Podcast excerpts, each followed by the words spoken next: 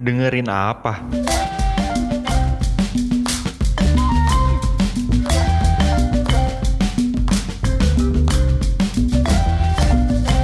Warung podcast dong.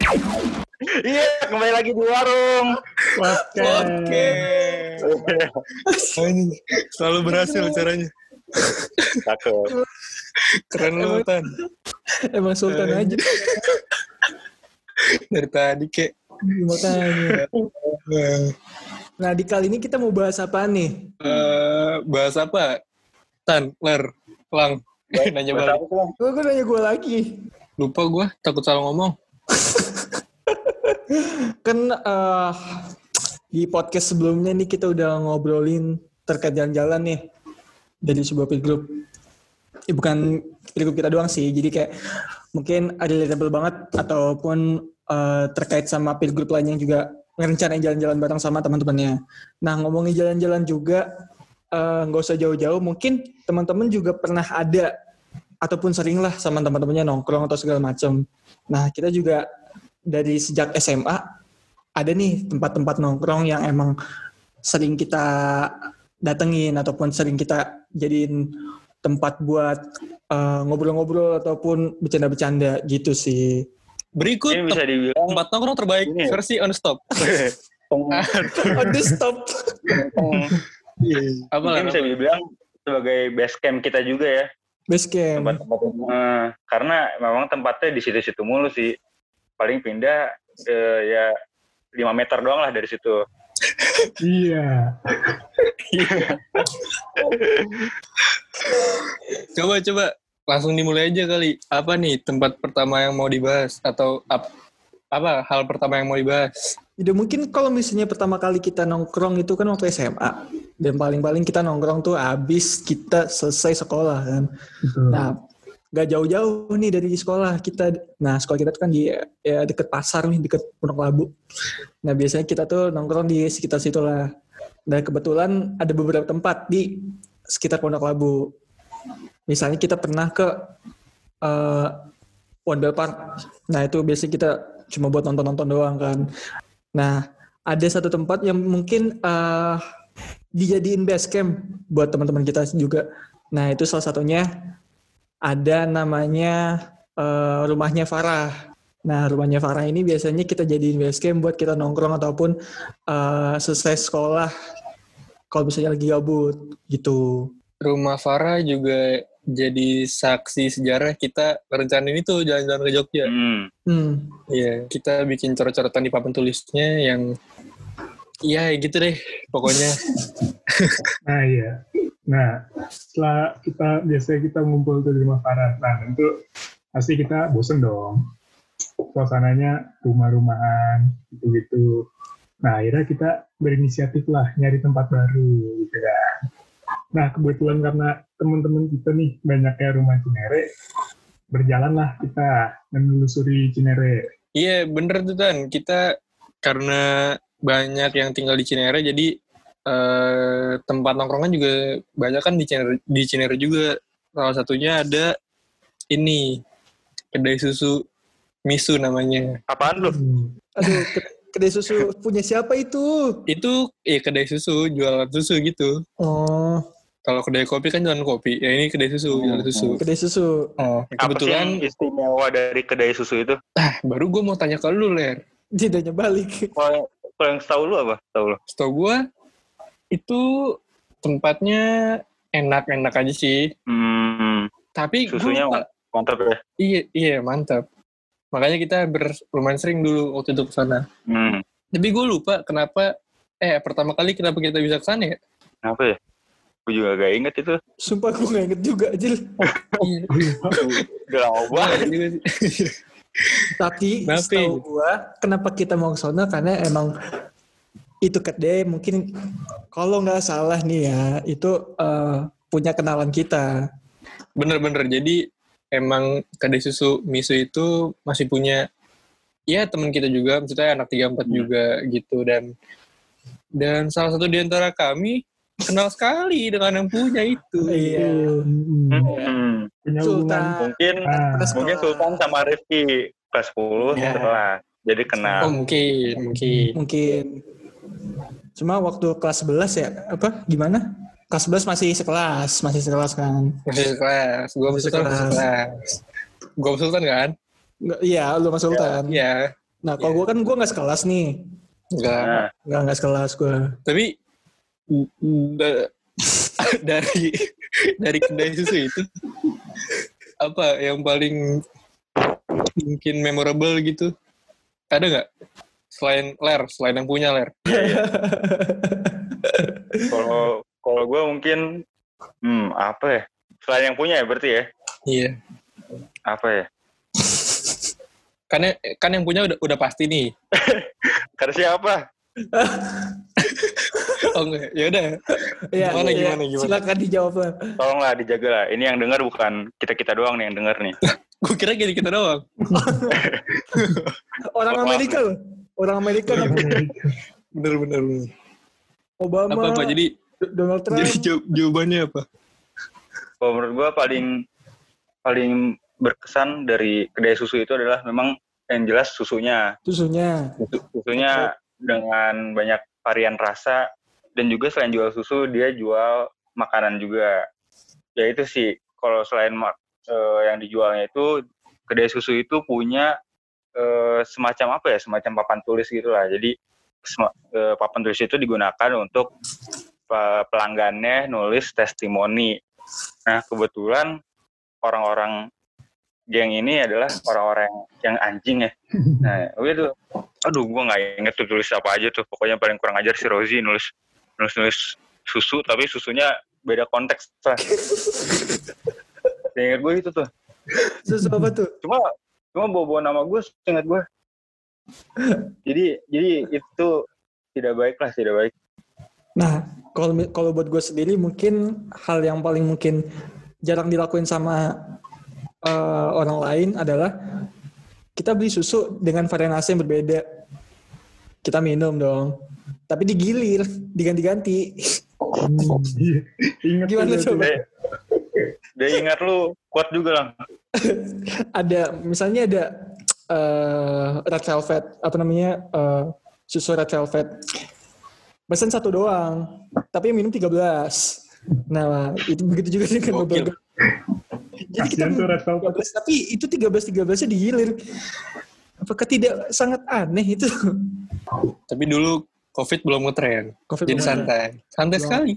Ya, tapi so- waktu itu udah ada HIV. Waduh. Healer-healer siapa tuh yang hype? Bener sih. Makanya. Kalau dari lu apa Tan? Gue inget satu momen sih, satu momen yang cukup pahit lah buat seseorang. Hmm. Jadi yang gue inget tuh di depan misu tuh ada tulisan biaya parkir gratis. Nah, gitu lah. nah, inget gue tuh misu tuh sebelahnya Indo, ada Indomaret atau ada tukang Indo April, Indo April. nah ya itu. ah ini Nah. ya Nah, ya pasti kita tahu lah, setiap ke warung tersebut pasti ada sosok makhluk yang tiba-tiba muncul kan, gitu. Nah, dan biasanya kita setiap mau pulang dari kedai susunya pasti sapa-sapan dulu kan tuh sama Bang Rocky kan, salah satu orang kasir kan. Eh, ngomong Bang itu bayar nggak Inget sih?" aja lu anjing. gue coba kagak inget namanya siapa kasirnya. Gue gara-gara momen ini jadi sampai inget gue sama Bang Rocky. Nah, Hmm. gitu. Terus dia bilang kan, kagak itu mah kagak bayar gitu. Terus kita kayak, oh yaudah yaudah nih ada pegangan lah. Terus yaudah, tuh, gue inget banget dulu masih zamannya, bukan zamannya sih emang kita rame yang bawa motor kan ya. Ada 7 sampai 8 kali yang bawa motor. Udah tuh kita turun satu-satu, ngain motor semuanya. Nah, kan mau jalan ke depan tuh. Di depan tuh udah ada satu makhluk lah yang menunggu. Pakai rompi hijau, bawa lampu. udah Padahal tadi tidak ada ya. tadi nggak ada udah tuh udah kayak ngarahin lah udah ngarahin nah para tujuh orang ini eh tujuh motor ini yang yang menyebalkan ini udah nih kita jalan ke arah dia dia dia seneng dong. Udah kayak wah duit nih duit nih. Itu kayak dua ribu empat belas ribu ya lumayan lah dapat Wah duit nih, duit nih kurang ajar lu tuh. cuma teman-teman gue yang pahit ini melewati saya tuh orang. Gue gue yang orang terakhir tuh panik gitu ya. Pasti kayak takut di, takut dicegat. Bayar bayar. gue di belakang langsung motong aja masuk ke jalan meninggalkan dia. gue inget banget tuh dia akhirnya ngeliatin gitu deh ke arah kita. Dan kayak itu momen terakhir kita ke sana kalau nggak salah ya, seingat gue ya. Seingat gue cuma sekitar dua kali ya ke Misu tuh. Iya. Yang pertama, yang pertama tuh sama eh, cowok-cowok semua. Yang kedua baru sama Mickey Blay. Hmm. Dan salah satunya itu kita uh, dilayani oleh teman kita, Itu Hmm. si pemiliknya lah ya. si pemiliknya. Siapa? Ya pemiliknya pokoknya teman kita lah pokoknya ya. Mm-mm. Si A, oh, si A. Ya, ditahan, tahan dikit nanti. Oke, Ma. Ntar minta izin lagi kita. Oh iya iya. Tapi masih masih ngomongin soal kedai susu. Bener tuh tadi gue setuju sama poinnya Valer kalau dari kedai susu Misu ini susunya eh, enak gitu. Karena soalnya kita juga pernah be- beberapa kali nyobain tempat kedai susu lain. Tapi rasanya tuh gimana ya? Yang iya aneh gitu. Gue sampai sampai sekarang masih ada ketraumaan gitu gue nggak mau mesen susu di tempat kedai susu yang rasa buah karena nggak ada rasa buahnya gue pernah mesen susu rasa pisang kagak ada rasa pisang pisangnya Nah itu kayak di tempat itu juga gue mesen rasa buah kan. Kalau nggak salah gue mesen rasa melon. Harusnya harusnya melon kan, harusnya melon. Cuma pas nyampe, wah bener warnanya hijau kan melon. bener hijau Bener hijau dong. Nah diminum diminum rasa buahnya tidak ada. Tapi ada sabun. Rasa sabun. Demi itu rasa, Rasa- sabun. rasa sunlight iya iya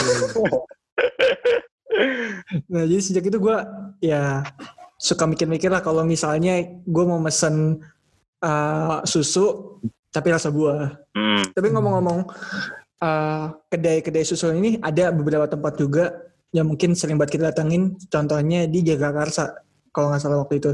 Itu tempat sering banget kita datengin. Gue oh gue gue ingat memikirkan kedai itu cuma gue lupa namanya kedai apa ya.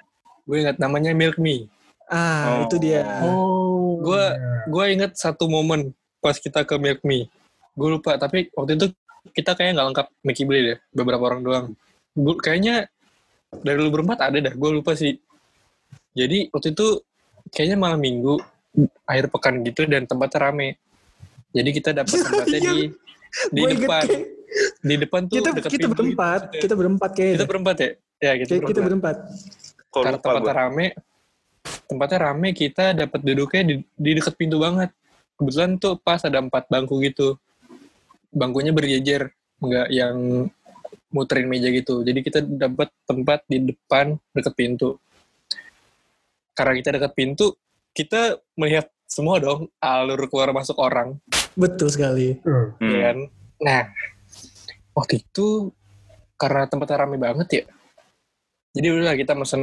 makan set terus ada segerombolan anak muda gitu ya seumuran kita juga lah mungkin nah dia kayak bawa pizza gitu pizza kan ya Pizza. Iya, pizza, iya. pizza, Ya, pizza. dia mau Merayakan. surprisein temennya ulang tahun kayaknya Hmm. temennya ulang tahun nih udah udah ada di milk me-nya di dalam nah ini Hmm. beberapa orang ini mau masuk mau surprisein temennya itu nah lagi-lagi gue jelasin kita di dekat pintu kita Melihat semua dong kejadian yang terjadi di pintu kita itu. bisa melihat melihat keadaan kasirnya seperti apa, Bener. ataupun pelanggan-pelanggannya seperti Kita- apa, kita bisa lihat dong. Kita seperti satpam bank aja bisa melihat semuanya. Betul. bener jadi Ah.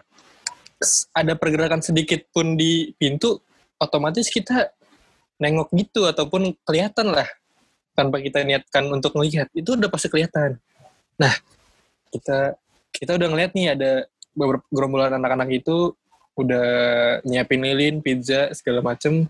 Nah pas di pintu persis pizzanya teh jatuh Kesandung. Jatuh, Duduk, jatuhnya tengkurap. kebalik. Iya, pizzanya tungkurup anjing. Asli itu Terus langsung gak, Backflip. kelihatan dong. Kita langsung nengok dong. Oh. Set. Aduh, itu bingung banget mau bereaksi tuh, mau kasihan, kasihan, mau ketawa. Lucu emang. Tapi gue ngeliat Iya, ekspresi ekspresi orang yang ulang tahun melihat juga temannya aja.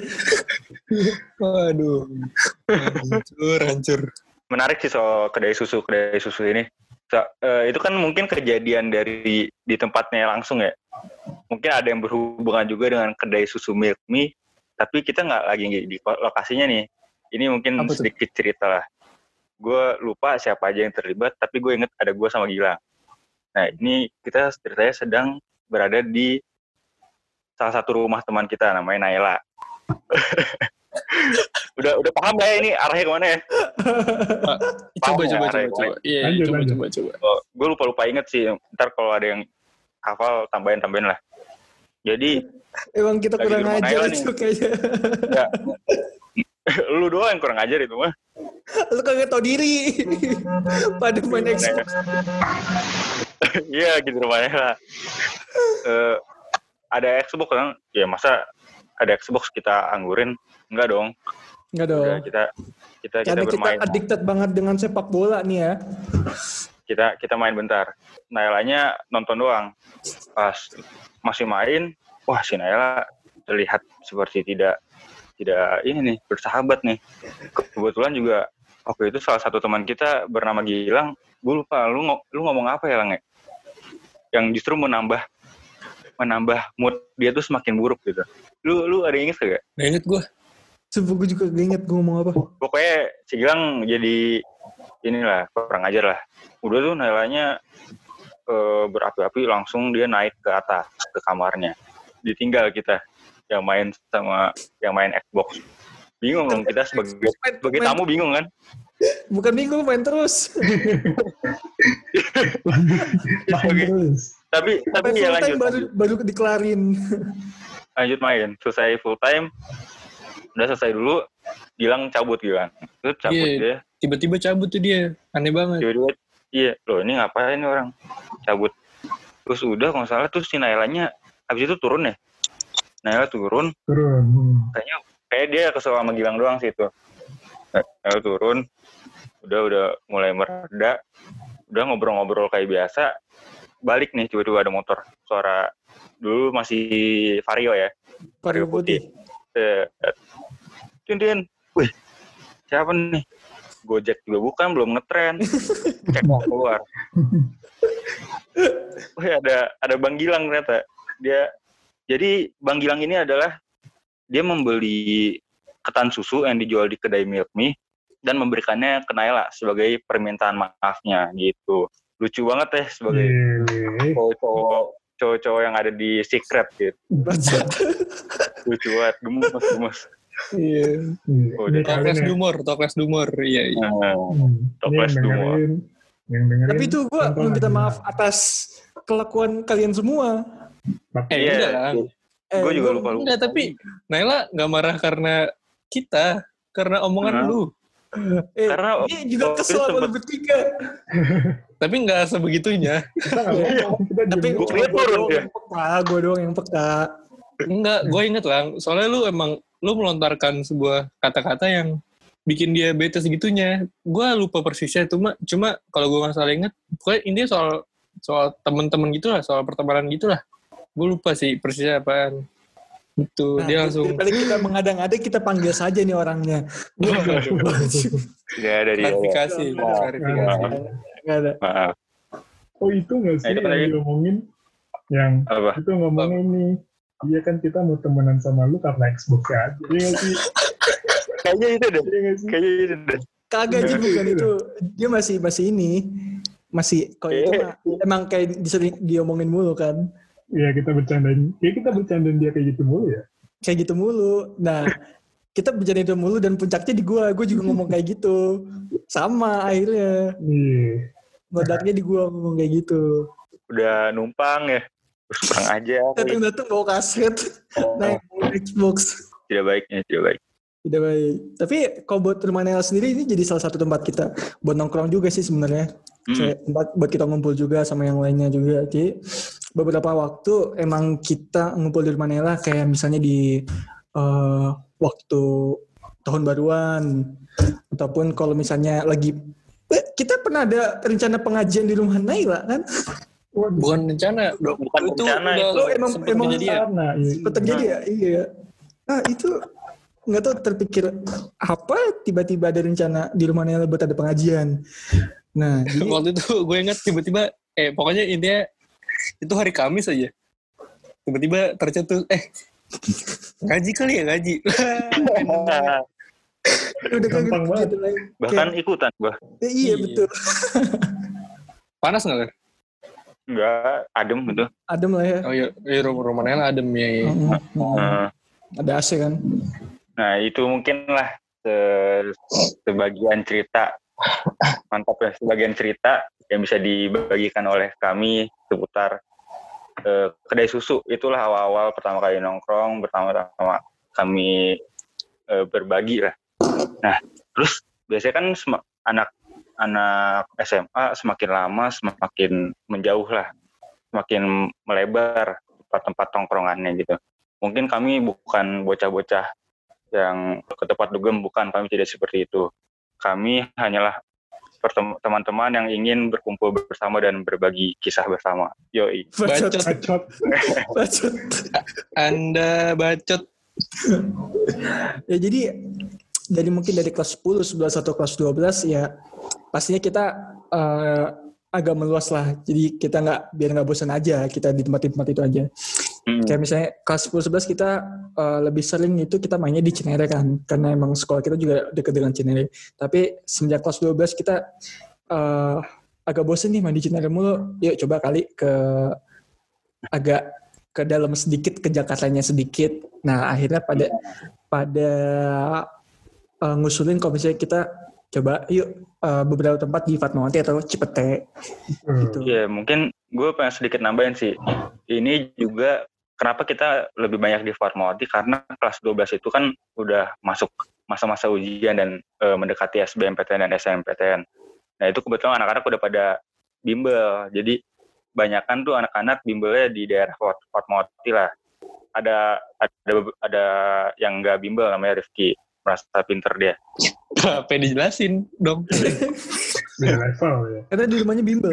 jadi lebih banyak main di Fatmawati sih ya paling daerah-daerah daerah-daerah yang terjangkau itu adalah One Bell Park atau seberangnya ya seberangnya biasanya kita nongkrongnya di One Bell makannya di seberang Di seafood. Tapi Eh, gue sebelum gue seafood apa apa? sebelum seafood kan ini Bahari Bener. Gue inget satu hal soal itu. Jadi waktu itu kita lagi di lagi di One Bell. Dan beberapa hari sebelumnya tuh ulang tahun di Gilang. Nah kita nongkrong lah di situ di One Bell kan. Terus udah mulai malam lapar dong. Nah tadi kita mau makan di Bahari di seberangnya. Seberang One Bell tuh ada Bahari juga. Set, ini Gilang lagi-lagi nggak nggak ngomong apa-apa, nggak ada briefing apa-apa gitu. Jadi ya udah kita makan, ya udah makan yuk kita makan Bahari kuartet. Set. Udah masuk Bahari nih. Beberapa orang tuh udah masuk, udah masuk semuanya, cuma udah ada yang mesen, udah udah ada yang nanya lauk. gue lupa nanya apa ya? Bu, kerang ada kerang? Ada ada. kikil kan sih kikil Oh, Kikil, kikil. kikil ada kikil. Ada ada. Udah disendokin nasi. Udah disendokin nasi nih sama ibu-ibunya. Bahkan udah ada yang pesan minuman. Udah ada pesan es teh manis. Tiba-tiba Gilang nih masih di bagian terluar pokoknya dia nggak ter nggak belum luar, masuk terlalu dalam. Tiba-tiba Gilang ngomong agak kencang gitu. Eh, kenapa di sini? Di seafood aja. Gue traktir. Lah, si anjing. Tapi nggak bilang tadi lu. Terus ada suara-suara minoritas yang bergema gitu. Suara ibu-ibunya sambil nyentuh nasi bilang Astagfirullahaladzim. Astaga. aduh kasihan Emang- kasihan Emang namanya persaingan, persaingan perdagangan lah. Mhm. Risiko persaingan ini sih dagang itu ya. Cuma nggak gitu sih caranya. Nggak gitu dong. Iya, udah gitu. loh. Udah Nasi pesen udah loh. Udah nasi loh. Iya. Ada lagi sih cerita di Fatmawati. Apa? Cuma sebaiknya tidak kita sebutlah nama nama tempatnya. Ada namanya, eh ada namanya. Ada tempat roti bakar. Ada tempat roti bakar. Kita cukup sering lah ke sana kan, cukup sering. Biasanya anak-anak habis bimbel gitu, terus bisa ke sana. Biasanya mesen situ jualannya roti bakar tapi mesennya nasi goreng atau enggak mie. Hmm, lapar ya orang-orang lapar. Eh, lapar soalnya dibakar nggak nggak nendang. Udah tuh biasanya kalau kita makan di sana kan karena ramean meja terbatas jadi mejanya digabungin. Kebetulan waktu itu kita dapat rada bagian pojok belakang lah. Aura-aura tidak enak dekat dapur. Saat sedang asik ngobrol tiba-tiba ada ada menggelitik. Oh, apa ini? Apa ini menggelitik menggelitik ternyata di dalam mejanya itu ada sarang kecoa Aduh, waduh mungkin Aduh, buat teman-teman itu itu waduh cuma kita nggak bisa sebut namanya terkena IT ITE kita kelar kita aduh, coba dong. Aduh, Ah, cukup, cukup. Cukup ya, cukup ya. ya sebaiknya tidak dilanjutkan ya Iya. Kalau ngomong soal roti, roti bakar, ingat lagi nih gue satu cerita. apa tuh? Itu, ini kondisinya udah malam. Udah malam juga. Nah, waktu itu kita lagi bingung mau nongkrong di mana. Karena udah bosen gitu kan, di tempat-tempat yang biasa. Lagi mikir nih, aduh ke mana ya, ke mana ya, set. Tiba-tiba ada lah ide, kayak dari Gilang dah kalau gue nggak salah. Hmm, Eh, kita ke roti bakar Edi aja. Ada tuh di Fatmawati baru buka. Oh Gitu iya. kan. Oh, serius lah? Iya iya, ayo kita ke sana. Roti bakar Edi di Fatmawati nih. Kita ke sana set. Gelap. Gelap sekali gelap. Tidak ada apa-apa gelap. Kita ada nih bapak-bapak kita nanya. Pak, ini roti bakar Edi udah tutup. Oh, belum buka mas. Emang belum buka ternyata. Emang belum beroperasi dia. Tidak pernah buka dia tadi ya. Bukannya sudah tutup, memang tutup mulu. Belum buka. setidaknya udah inisiatif dia Iya, iya. Hmm. akhirnya pasti kalau kayak gitu baliknya ke tiga tempat itu lagi sih sebenarnya Iya, Bell, Seafood, atau enggak roti roti bakar Hmm. oh gue lupa satu satu ini satu tempat ternyata kita ada lagi satu lagi namanya Cozy Yoi. Yoi, cozy. ini tempatnya deket sama rumah Farah jadi cukup bersahabat lah Biasanya kita ngumpul dulu ya di rumah Farah terus baru kan. hmm. Tapi biasanya kita nentuinnya ke mana nih? Nentuinnya yang jauh-jauh dulu. Ke mana Ya, iya. sih? Kan, Veno, gitu-gitu kan. Adalah satu orang yang langsung memberikan saran. Udahlah, cozy aja. Kuy, langsung langsung berangkat semua. Bener tuh, saking saking seringnya deadlock gitu ya, nentuin tempat mau nongkrong di mana. Kita pernah sampai akhirnya nyobain, eh mutusin buat home pimpa Oh iya, Hmm. Dinta. untuk menentukan kita mau ke mana. Jadi kita home pimpa nih, yang orang yang terakhir pokoknya dia yang nentuin mau ke mana. Eh, pokoknya apa pun yang disebut kita ke sana. Hmm. Waktu itu pernah kita lagi habis ngapain ya? Gue lupa. Pokoknya kita lagi di di McD Kemang. Hmm. Bingung nih habis dari situ mau ke mana? Itu kondisinya udah udah lumayan malam juga. Nggak malam-malam banget sih. Pokoknya udah gelap lah. Kita bingung mau ke mana. Malam. Habis diskusi-diskusi nggak ketemu-temu. Di- Akhirnya ya udahlah kita home pimpa. Set home pimpa.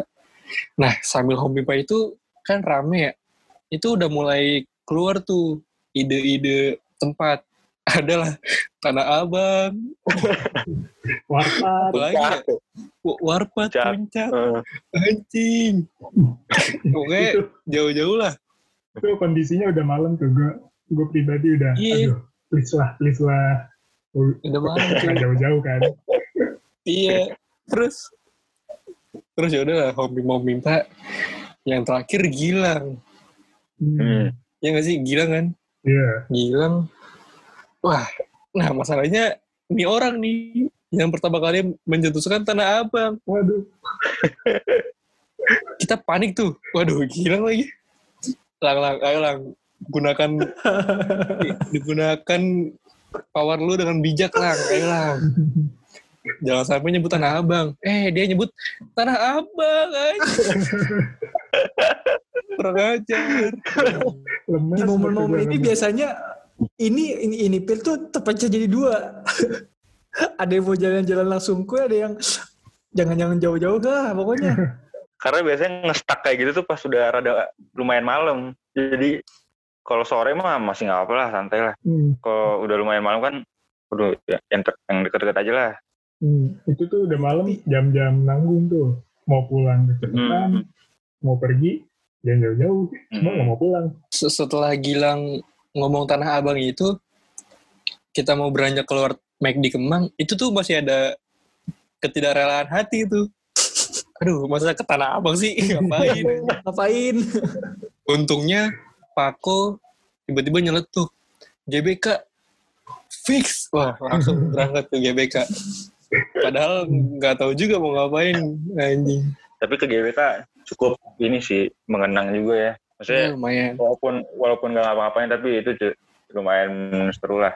Kayaknya kita terlewat satu tempat deh, tempat yang paling paling kita Ah. banget lah. Nah ini save the best for the last bro. Yoi. Coba silakan saudara-saudara ada yang ingin mengingatkan apa tempat itu? Di Fatmawati ya? Fatmawati Cipete lah pokoknya. Arah-arah Blok M ya? Ya bisa bisa. Sate Sambas. bukan, Sate lah. bukan. Bukan Itu bukan. juga, itu juga. Itu juga. Cuma yang, yang dimaksud Fala bukan itu. Hmm. Oh iya. Nah biasanya tuh eh, ini biasanya bukan biasanya sih, cuma setelah kita habis kuliah nggak sih baru kita lebih sering ke sini. Iya, lagi Nah, ngetren juga kan. Lagi ngetren juga. Emang itu tempatnya ramai banget, ramai banget. Jadi itu tempat emang asik lah buat nongkrong karena emang banyak juga anak pada nongkrong di situ kan. Emang minumannya juga sangat khas lah pokoknya. Jauh pokoknya dari ujung Indonesia. Nah di situ lebih sering kita itu nongkrongnya di luar. Berdiri sih tepatnya kan nungguin kopi kosong. Ngeliatin aja orang kan nongkrong nungguin. Tapi yang yang gue kan iya dari sejak kuliah kita lumayan sering tuh eh, tempat nongkrongan di situ di tertarik Cipete kan. Nah, tapi emang yang gue pribadi suka ke sana adalah karena itu 24 jam. Jadi jadi ya udah bebas gitu mau sampai jam berapa juga. Kalau kalau gue yang gue suka justru pertama karena ya tadi 24 jam tempatnya sih tempatnya dia di di indoornya enak di outdoornya juga enak sebenarnya mirip-mirip kayak cozy cuma bedanya saya tarik Cipete ini dia lebih terbuka lah dan lebih lama bisa 24 jam Ya, open minded lah pokoknya tempatnya. Yoi, tempatnya Terbuka. open minded banget. Yang kedua adalah nggak tahu ini mungkin kepikiran gue aja. Dia dia tuh tempat duduknya dan mejanya lumayan bisa diatur-atur sendiri gitu lah. Jadi lebih nge- ngebentuk lingkaran dan lebih intim aja gitu. Jadi ngobrol-ngobrolnya. Dan itu berbeda sama tempat-tempat lain yang banyak kan ya udah lebih mengutamakan mungkin desain interiornya gitu. Sebenarnya dari segi situ, eh kok gue jadi ngelantur desain interior ya? Lu gimana? Bantu gue bantu gue Lu mabok ya? agak Naik lu ya. yuk lanjut lanjut lanjut gantian ah bingung gue mau ngomong gue kira lu mau ngelanjutin aja. Belum kelar itu. Ya udah Tan, menurut lu gimana Tan? Momen tertarik cepet ya. Iya.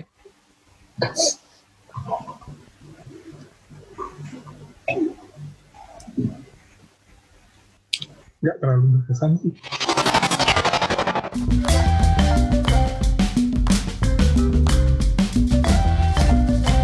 Warung podcast dong. Nah, ya tuh, jadinya kelihatan lah ya banyak perubahan-perubahan tuh dari awal kita pas SMA sampai mau kuliah, kita mau nongkrong ganti-ganti tempat. Sebenarnya ngikutin tren juga nggak sih?